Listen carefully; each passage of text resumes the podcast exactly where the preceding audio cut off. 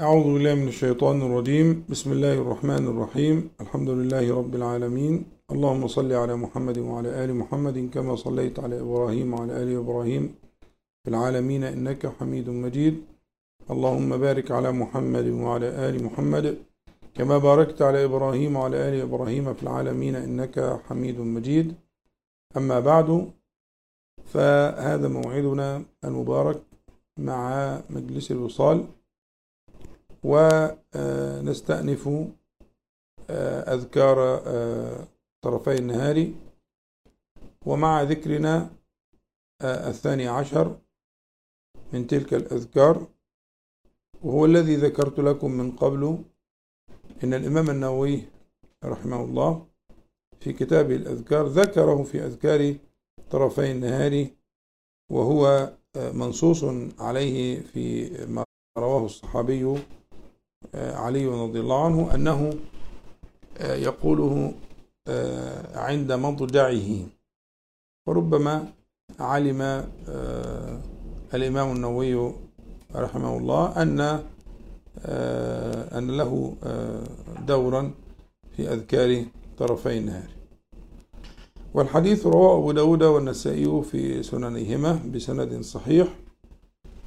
عن علي رضي الله عنه أن رسول الله صلى الله عليه وسلم كان يقول عند مضجعه اللهم إني أعوذ بوجهك الكريم وبكلماتك التامة من شر ما أنت آخذ بناصيته. اللهم أنت تكشف المغرم والمأثم اللهم لا يهزم جندك ولا يخلف وعدك ولا ينفع ذا الجد منك الجد. سبحانك وبحمدك. انتهى الحديث.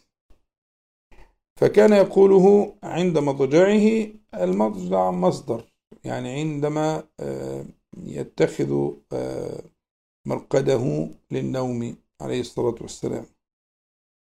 فهذا الذكر من الأذكار المتعلقة بأذكار النوم وتبعا لإيراد الإمام النووي فإنه ربما يكون من أذكار الليل المساء. وإن شاء الله تعالى بعد الفراغ من أذكار طرفي النهار سنبدأ في أذكار النوم ونبين خطرها وجلال قدرها. الأذكار النوم أذكار لها وظيفة خاصة في مقام خاص لأن النوم كما بينت لكم من قبل عند كثير من أهل السنة هو موتة صغرى وفيه قبض للروح مؤقت. قبض انفصال ما بين الروح ومن الجسد انفصالا مؤقتا. كما في سورة الزمر الله يتوفى الأنفس حين موتها والتي لم تمت في منامها. يعني يتوفاها في منامها على القول الراجح من كلام المفسرين. فيمسك التي قضى عليها الموتى يعني إذا انتهى أجله في نومه يمسك تلك الروح فلا تعود مرة أخرى إلى صاحبها ويرسل الأخرى التي لم ينقضي أجلها بعد إلى أجل مسمى. فصح على هذا التأويل أن النوم هو موتة صغرى فيه نوع من من الانفصال من المفارقة بين الروح والجسد. ولذا حسن الاستعداد للنوم فيه من العطاء ومن الأرزاق ما لا يأتي من غيره لأنه حال خاص جدا حال انفصال الروح عن البدن كالموت ولكنه مؤقت. فأين تذهب الروح؟ وأين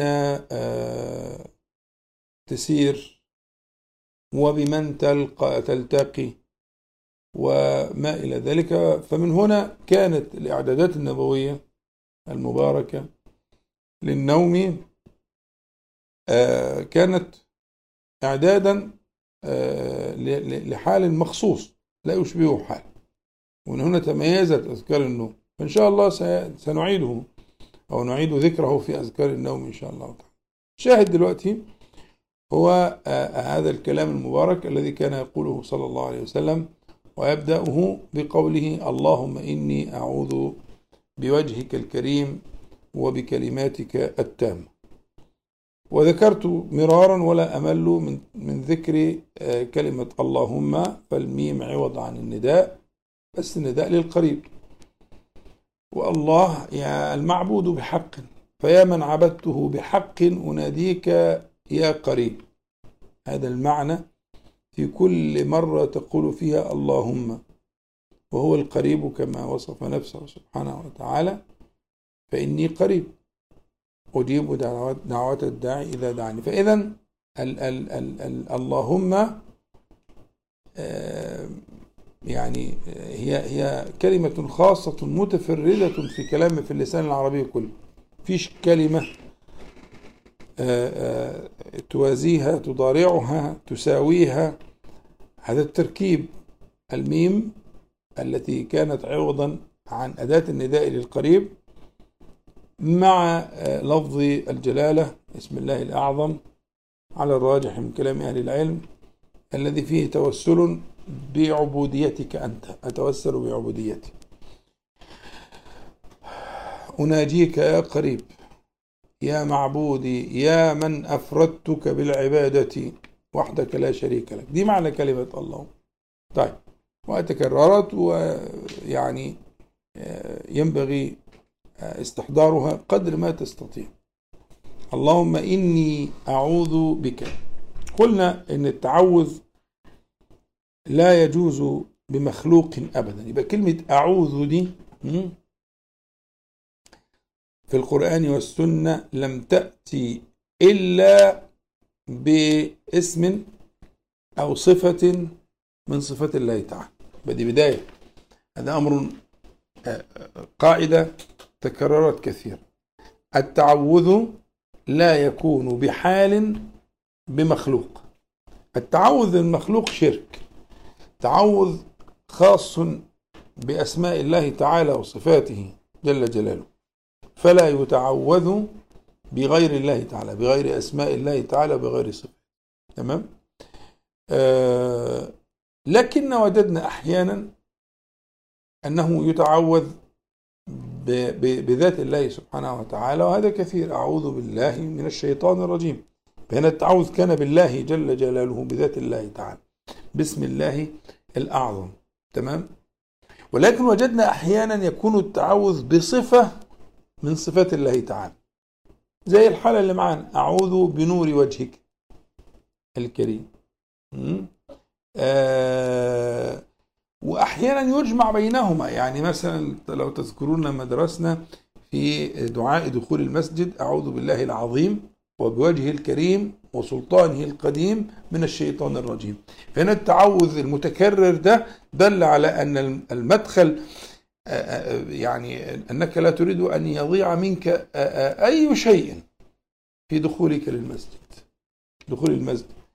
فأعوذ بالله العظيم خلاص. وبوجهه الكريم وسلطانه القديم. فإذا التعوذ كان بالله سبحانه وتعالى وبوجه الله تبارك وتعالى وبصفة السلطان لله تبارك وتعالى. جميل. يبقى قد يكون التعوذ بذلك وقد يكون التعوذ بنور وجهه. أعوذ بنور وجهك الذي أضاءت له الظلمات. وصلح عليه أمر الدنيا والآخرة. ها؟ يبقى آه، آه، بالوجه أو بنور الوجه ويكون بكلمات الله. قل أعوذ بكلمات الله التامات من شر ما خلق. كما في أذكار الإيه الصباح والمساء أذكار المساء. بكلمات الله التامات من شر ما خلق. وكما هو التعوذ الذي يعني ذكرناه لكم في ما نزل بالناس من الجائحة. أعوذ بكلمات الله التامة من كل شيطان وهامة ومن كل عين لامة. فإما أعوذ بك زي أعوذ بك من البرص والجنون والجذام من سيء الأسقام. أعوذ بالله من الشيطان الرجيم. أعوذ بوجهك أعوذ بنور وجهك أعوذ بسلطانك. فإذا التعوذ قاعدة التعوذ أنه لا يتعوذ أبدا. وفكرة التعوذ لو تذكرون الدخول في مكان آه، آمن لا. لا يصل إليه آه، أي عدو أو أي آه، مكروه. لا يصل أبدا. شك... لو تذكرون شرحنا الإيه ال- ال- المدرك الحسي لها. يعني في نباتات تبقى بين الصخور كده تحاول الحيوانات توصل لها ما تقدرش توصل لها ها؟ هذه هي موصوفة بال- بالعوز. وهكذا كل ما يكون من الايه من الدخول في الحمى فلا تصل إليه يد العدى كل ما دخل في الحمى فلم تصل إليه يد العدى فقد تعوذ. فكلمة أعوذ يعني أدخل في الحصن الحصين. آه، وتكون على معنى السؤال والتوسل إلى الله سبحانه وتعالى بما يذكر بالله عز وجل بوجهه بنور وجهه بصفة من صفاته بسلطانه إلى آخر الكلام. يبقى هنا اللهم إني أعوذ بوجهك وأنتم تذكرون أن إضافة النور للوجه ثابتة كما ثبت في الحديث الذي شرحناه قديما يعني. ربما بعضكم لم يشهده. لما كنا بنقول في الحديث الذي قلنا هو هو درة الحديث في باب الأسماء والصفات فقالوا إنه كآية الكرسي في القرآن. لما قال النبي صلى الله عليه وسلم حجابه النور لو كشفه لأحرقت سبحات وجهه ما انتهى إليه آه، آه، يعني من خلقه سبحانه وتعالى. لأحرقت سبحات هذا النور نور الوجه الكريم. فإضافة النور للوجه إذا قضية النور للوجه أولا الإيمان بها كصفة لله سبحانه وتعالى على ما يليق بجلال الله تعالى لا تدركها العقول ولا يمكن إدراكها آه، بال- بالعقل. ولا بالحاسة بالبصر الموجود عندنا إلى آخره. لكن ربما يكون في الآخرة آه، إعداد مختلف للإنسان ليرى آه، وجه الله سبحانه وتعالى ونوره جل جلاله وهو الذي حمله أهل السنة على النعيم الأكبر للذين أحسنوا الحسنى وزيادة. هي رؤية وجه الله تبارك وتعالى. فيبقى الإيمان الإيمان بذلك والطمع في رؤيته سبحانه وتعالى في الآخرة. الأمر الثاني آه، السؤال به لأنه صفة من صفات الذات.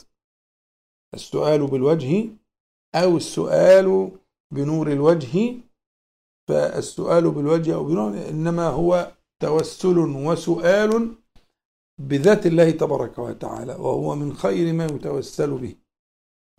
الأمر الثالث إجابة من سأل به لأن النبي صلى الله عليه وسلم نهى ألا يجاب من سأل بوجه الله تعالى. فإذا سئلت بوجه الله تعالى فأجب إن كنت تستطيع.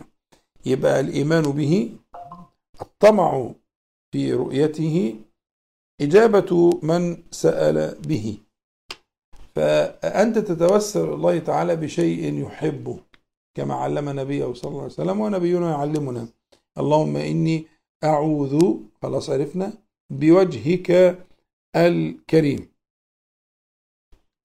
وبكلماتك يعني وأعوذ بكلماتك التامة. وكلمات الله تبارك وتعالى التامة هي القرآن الكريم.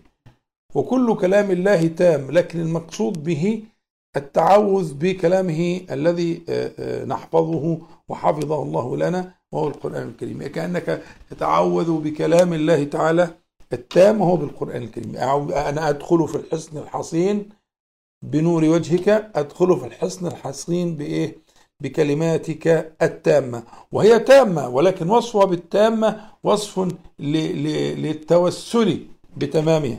يعني ليست تخصيصا يعني ليس بعض كلام الله يوصف بأنه تام وبعضه لا يوصف. لا هذا لا مفهوم له. يعني إن كل كلام الله إن كل كلام الله عز وجل تام بكلماتك التامة وكل كلامك تام. ده معنى الكلام. تمام؟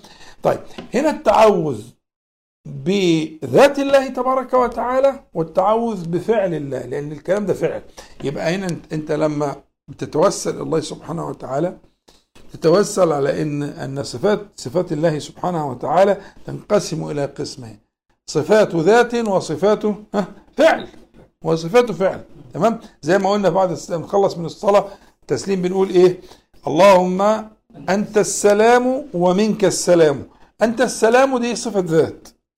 يعني يعني كل صفاتك سلمت من عيب ونقص إلى اخره ده السلام. السلام يعني السالم ها في ذاتك. أنت السلام. ومنك السلام يعني وقد سلم كل فعل من أفعالك من عيب ونقص مفيش حاجة غلط. إحنا اللي غلط إحنا اللي فاهمين غلط. حتى حتى لو كان أتانا منه ما, ما يؤلمنا فانه فإنه إصلاح لنا. وإن عاقبته لنا هي الخير. يبقى أنت سلام كلمة ومنك السلام دي يعني إيه؟ فعلك السلام. يبقى تتوسل بالذات بصفات الذات وتتوسل بصفات الإيه؟ الفعل. نفس الكلام هنا. نفس الكلام هنا. أعوذ بوجه بنور وجهك أو بوجهك الكريم وبكلماتك التامه يبقى وجهك الكريم دي صفة ذات ها؟ والكريم الذي آه، آه، لا يضام سبحانه وتعالى والذي لا يرد سائلا سبحانه وتعالى معنى الكريم. تمام؟ بوجهك الكريم. ما سئلت بوجهك إلا أجبت ولا يخيب سائل بوجهك ابدا. مفهوم؟ ولا يخيب سائل بوجهك أبدا. ده معنى كلمة الكريم بوجهك الكريم. وبكلماتك التامة قلناها دي يبقى صفه يبقى هنا التوسل بدايه التوسل توسلت بألوهيتك يعني عبوديتك لله سبحانه وتعالى في كلمة اللهم. توسلت باتصاف الله تعالى بالكمال في ذاته وتوسلت باتصاف الله تعالى بالكمال في فعله. يبقى إحنا بنتكلم في إيه؟ لازم تستحضر المعاني وإلا الكلام ده ملوش معنى. الحمد لله أنتم آه، آه، عرب وتدركون معنى اللفظ. فهذا الأمر يسير وقريب بس لما نذكره هيحضر قلبك أنك بتتوسل اولا بعبوديتك في قولك اللهم ثم تتوسل بذات الله تعالى وبفعل الله تعالى. يبقى اللهم إني أعوذ بوجهك الكريم وبكلماتك التامة. من إيه؟ من شر ما أنت آخذ بناصيته. من شر ما أنت آخذ بإيه؟ بناصيته. من شر مفهومة موجودة في سورة الفلق وسورة الناس ومفهومة. حلو قوي من شر من؟ المضاف إليه بقى. ما. ما هتشمل كل شيء. تأتي للعاقل ولغير العاقل وللقريب وللبعيد ولما تدرك وما لا تدركه وقد يكون في الشيء شرور وأنت لا تدركه. يبقى من شر ما ها من شر ما. أنت آخذ بناصيته طيب الناصية عبارة عن إيه؟ الناصية هي مقدمة الرأس. الحتة دي اللي بيبقى فيها آه، شعر أو ما فيهاش شعر هي مقدمة الرأس. هذه هي الناصية.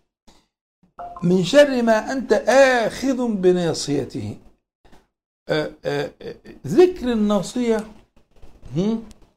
يذكرنا من أوائل ما نزل من القرآن لما ربنا سبحانه وتعالى وصف المعاندين للنبي عليه الصلاة والسلام في أول دعوته في مكة المكرمة فقال ناصية كاذبة خاطئة.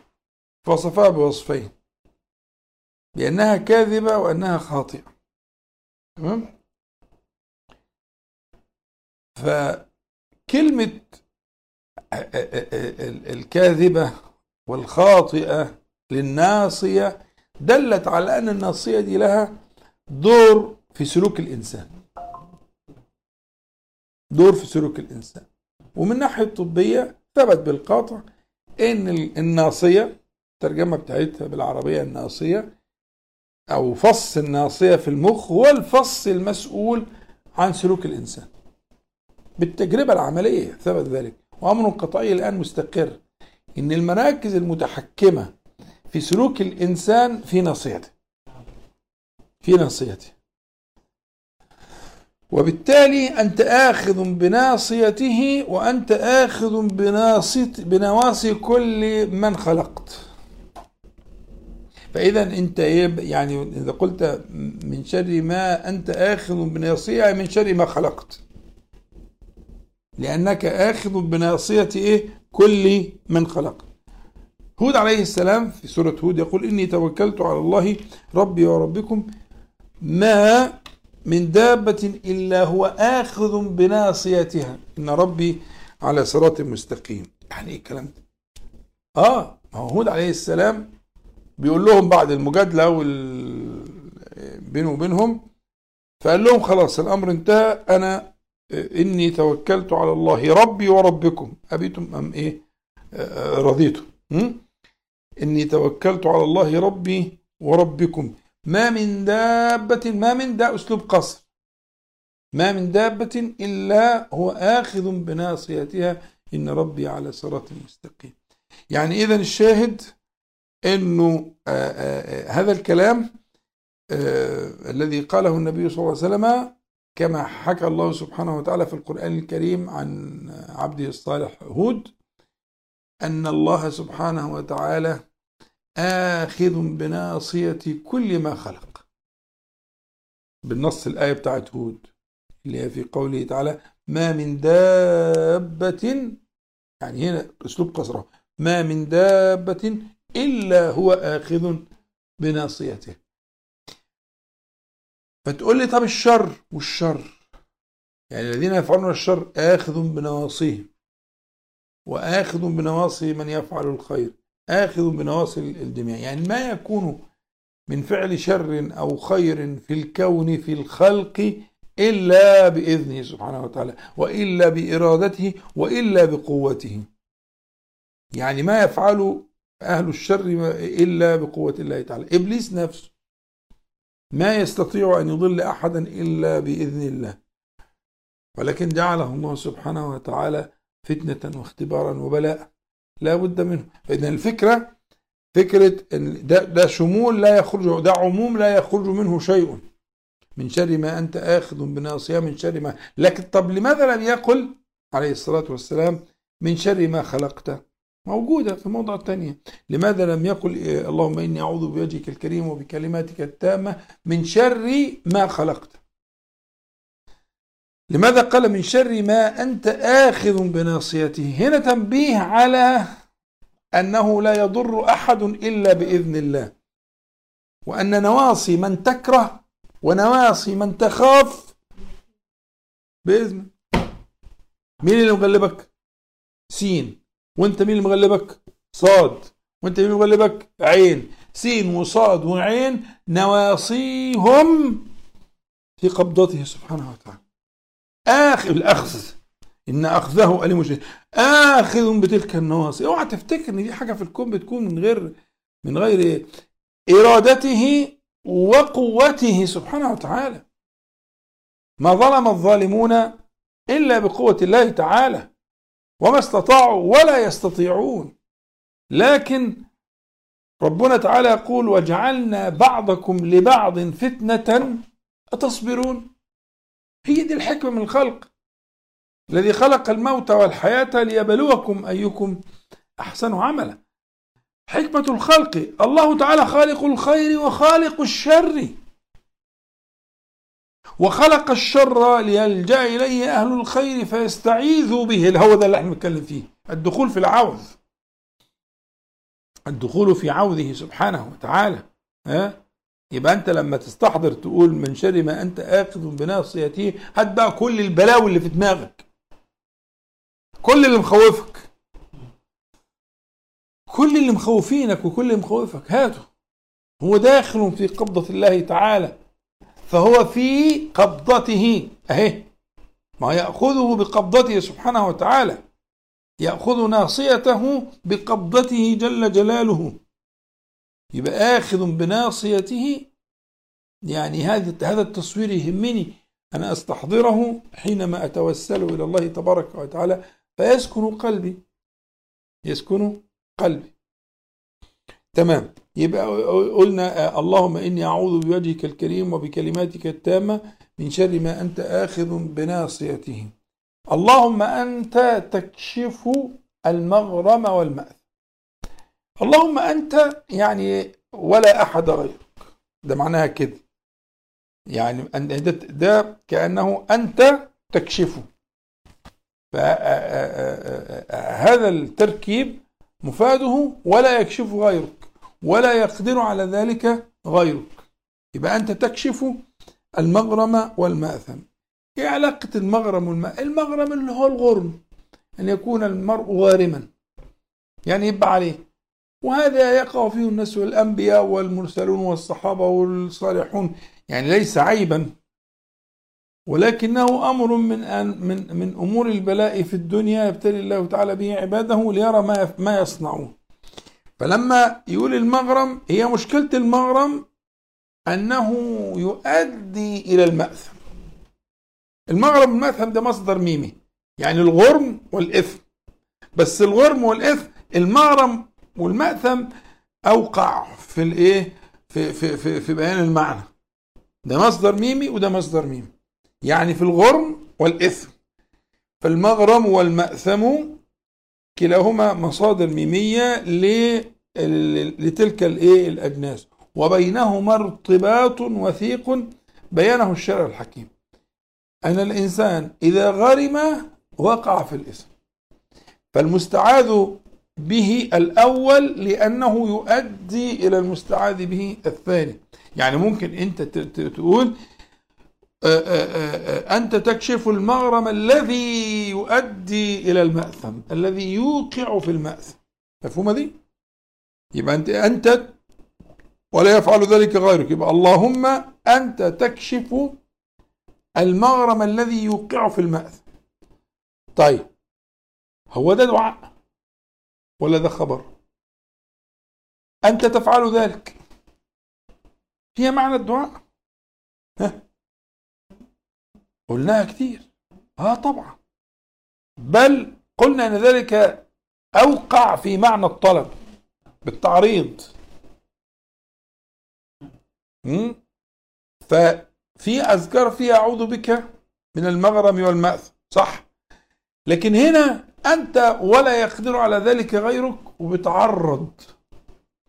بتعرض. ها؟ زي ما الأنبياء والمرسلون فعلوا ذلك. وقلنا إن هذا هذه الطريقة اللي هو الخبر الذي يراد به الإنشاء الخبر الذي يراد به الطلب هو ربما يكون اوقع ها في حصول المطلوب. يعني قني شر المغرم الذي يوقع في المأثم. قني شر المغرم الذي يوقع في الإيه؟ في المأثم. يبقى أنت إيه؟ اللهم أنت تكشف ولا يقدر على ذلك غير تكشف المغرم والمأثم فقني شر المغرم الذي يوقع في الإيه؟ في المأثم. طيب اللي بعديها. اللهم لا يهزم جندك. نفس أختها بالظبط نفس الفكرة نفس الطريقة في فيه اللهم لا يهزم جندك. اللهم لا يخلف وعدك. يبقى اللهم لا يهزم جندك ولا يخلف وعدك نفس الفكرة. هو خبر يراد به الطلب الإنشاء. اللهم لا يهزم جندك فاجعلني من جندك الذي الذين لا يهزمون. طب وإذا هزمنا؟ يبقى في حكمة في الهزيمة. زي الصحابة في أحد لما هزموا كان في حكمة وأودع الله تعالى فيها من الحكم الكثيرة التي أحيلكم دايما على كتاب زاد المعاد للحافظ ابن القيم في دراسة مهم جدا.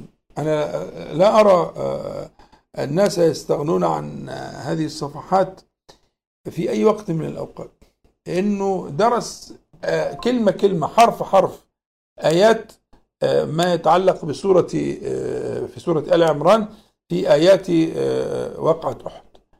وبين لنا الحكم البديعة التي أودعها الله سبحانه وتعالى في هذا. فهذا أمر مهم.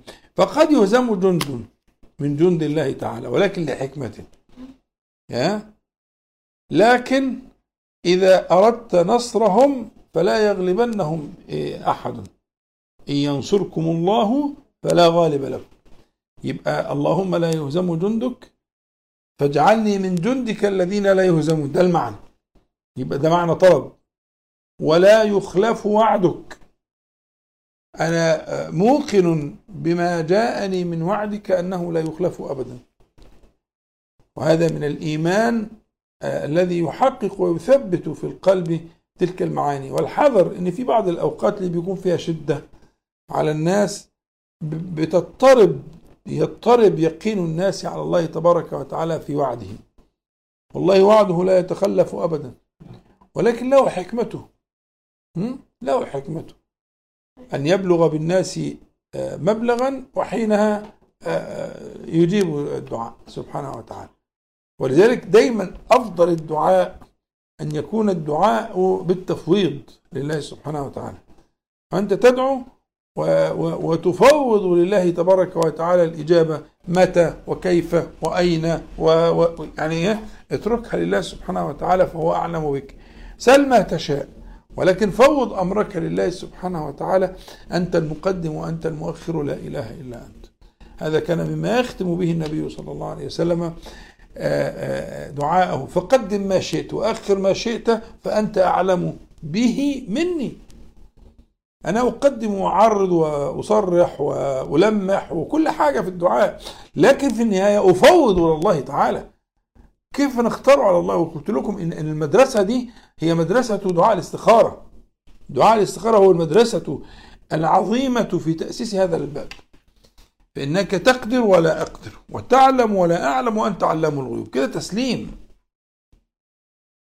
يبقى آآ آآ اللهم لا يهزم جندك ولا يخلف وعدك ولا ينفع ذا الجد منك الجد.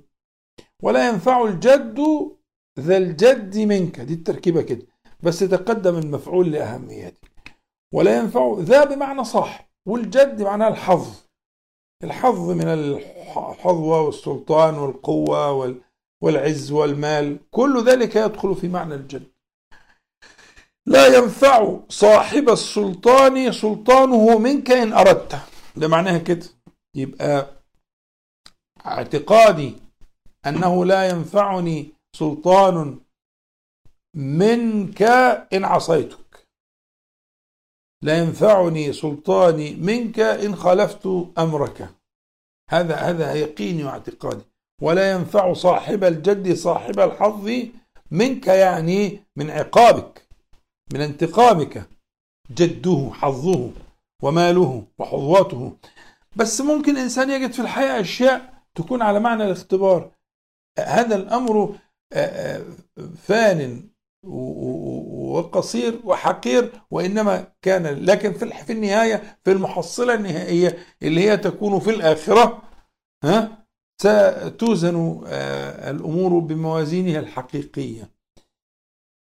فلا ينفع ذا الجد منك جده صاحب السلطان منك سلطانه من عقابك. نعم في الدنيا والآخرة. ولله في ذلك الحكم الباهرة لكن اعتقادي أنه لا يخرج عن سلطانك وعن قوتك وعن قهرك أحد أبدا من خلقك تبارك وتعالى. هذا اعتقادي وهذا ما أقوله في هذا الذكر المبارك. يبقى اللهم لا يهزم جندك ولا يخلف وعدك ولا ينفع ذا الجد منك الجد سبحانك وبحمدك. وسبحانك وبحمدك شرحناها كثير. شرحناها كثيرا في أذكار طرفي النهار. فكانت ختاما لهذا الذكر المبارك سبحانك سبحانك التنزيه ومقرونا بحال الحامد وأنا متلبس بحمدك على اتصافك بالكمال وتنزهك عن النقص وعلى إنعامك وإفضالك. أنزهك حالة كوني حامدا لك وهذه كلمة من الكلمات المباركات. التي قلناها بالتفصيل ارجع لها في أول الأذكار. طرفي النهار في من قال سبحان الله وبحمده مئة مرة يعني يقولها في الصباح ويقولها في المساء. إذا هذا الذكر المبارك في الحقيقة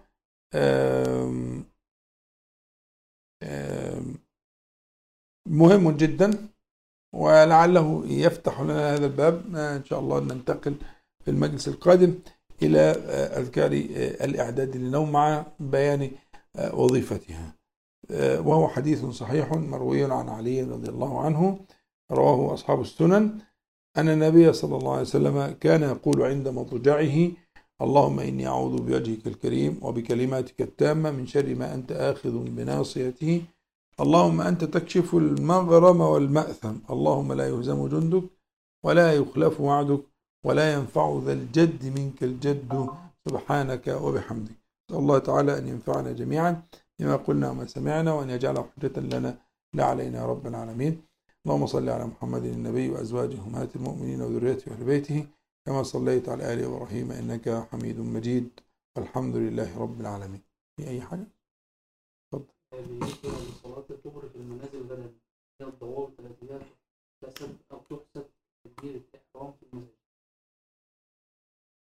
الصلاة في المساجد آه، في في البيوت على معنى الضرورة الملجئة آه، يعني تدخل في القاعدة التي قلناها إن إذا مرض العبد أو سافر كتب الله له ما كان يفعله مقيما صحيحا. ويلحق بذلك ما يكون من هذه الضرورات الملجئة. فلما لم يفتحوا المساجد للجمعة فالناس تصلي الظهر آه، في بيوتها سواء جماعة أو آه، فرادى. وذلك آه، لمن كان يحافظ على الجمعة ويعظمها. في قبل ذلك فإنه إن شاء الله تعالى لا يحرم هذا الأجر. بالنص الذي قلناه لكم إذا مرض العبد أو سافر. وهذا ما يقاس عليه ما, نحن ما, ما, ما الناس فيه من هذه الضرورة الملجئة. فلعله لا يحرم المرء من هذا الأجر الواسع كأنه صلى الجمعة لكن لا يخرق هذا الأمر وهذا النظام وأنا يعني سئلت كثيرا في هذه المسألة وأقول احذروا من هذه الاجتهادات. صلوا آه، الظهر في بيوتكم إلى أن يفرج الله تبارك وتعالى هذا الهم وتوسلوا إلى الله تعالى بأسمائه وصفاته وبأعمالكم الصالحة. توسلوا إلى الله تعالى ليرفع هذا البلاء وما نزل بالناس. لكن آه، الأجر ربنا سبحانه وتعالى كريم. كريم. فمن كان يبكر في الجمعة سيأخذ أجر المبكرين إن شاء الله تعالى. ومن كان يشهدها وينصت ولا يلغو ولا يتكلم فإنه كذلك يأخذ هذا الأجر. فإن شاء الله تعالى لا لا فضل الله واسع. وما جاءنا من هذا البلاء إنما هو من الله تبارك وتعالى. ليبتلينا لنكون عبادا له في السراء والضراء وفي الرغبة والرهبة. فلا أرى ألا يكون ثم افتئات على تلك القواعد التي ألزموا الناس بها فالتزموا بها. والله أعلم. طيب. نسأل الله تعالى أن ينفعنا بما قلنا وما سمعنا. نقول جميعا سبحانك اللهم ربنا وبحمدك أشهد أن لا إله إلا أنت أستغفرك وأتوب إليك. السلام عليكم ورحمة الله.